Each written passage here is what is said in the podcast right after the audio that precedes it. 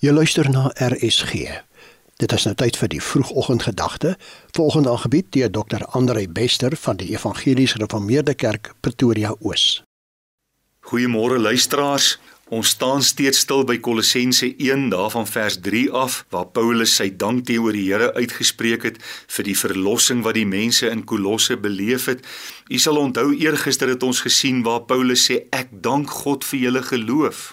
En dan gisteroggend ek dank hom vir die liefde wat julle onder mekaar het. Nou kom ons vanmôre en ons sien dat Paulus dank die Here vanweë die hoop wat vir hulle weggelê is in die hemele.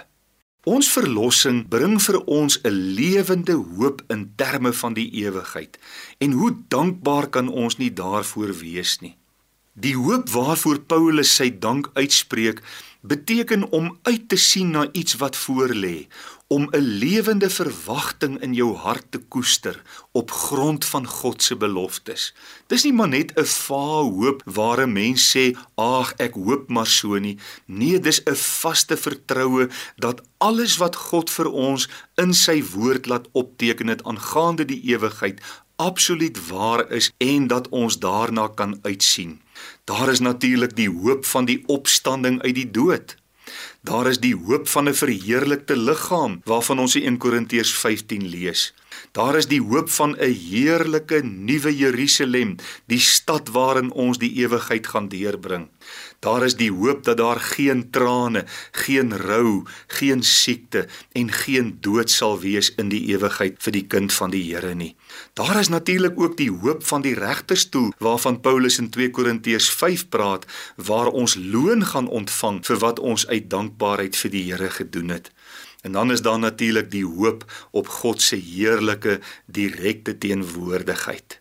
Die baie bekende prediker en evangelis D.L. Moody het eendag in 'n preek die volgende stelling gemaak. Hy het gesê julle sal eendag in die koerante lees dat D.L. Moody van East Northfield dood is. Moenie 'n woord daarvan glo nie. Op daardie oomblik sal ek meer lewendig wees as wat ek nou is. Ek sal by God in sy persoonlike teenwoordigheid wees.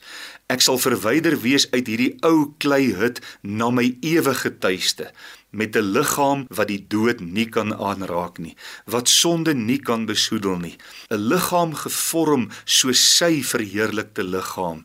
Moody sê voorts Ek is gebore uit die vlees in 1837. Ek is gebore uit die gees in 1856. En dit wat uit die vlees gebore is, kan sterf, maar dit wat uit die gees gebore is, sal vir ewig lewe. Kom ons dank die Here vir hierdie hoop.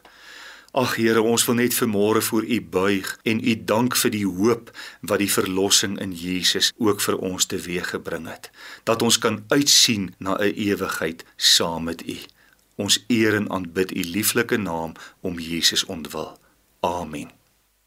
Dit was dan die vroegoggendgedagte hier op RSG, aangebied deur Dr. Andrei Bester van die Evangelies Gereformeerde Kerk Pretoria Oos.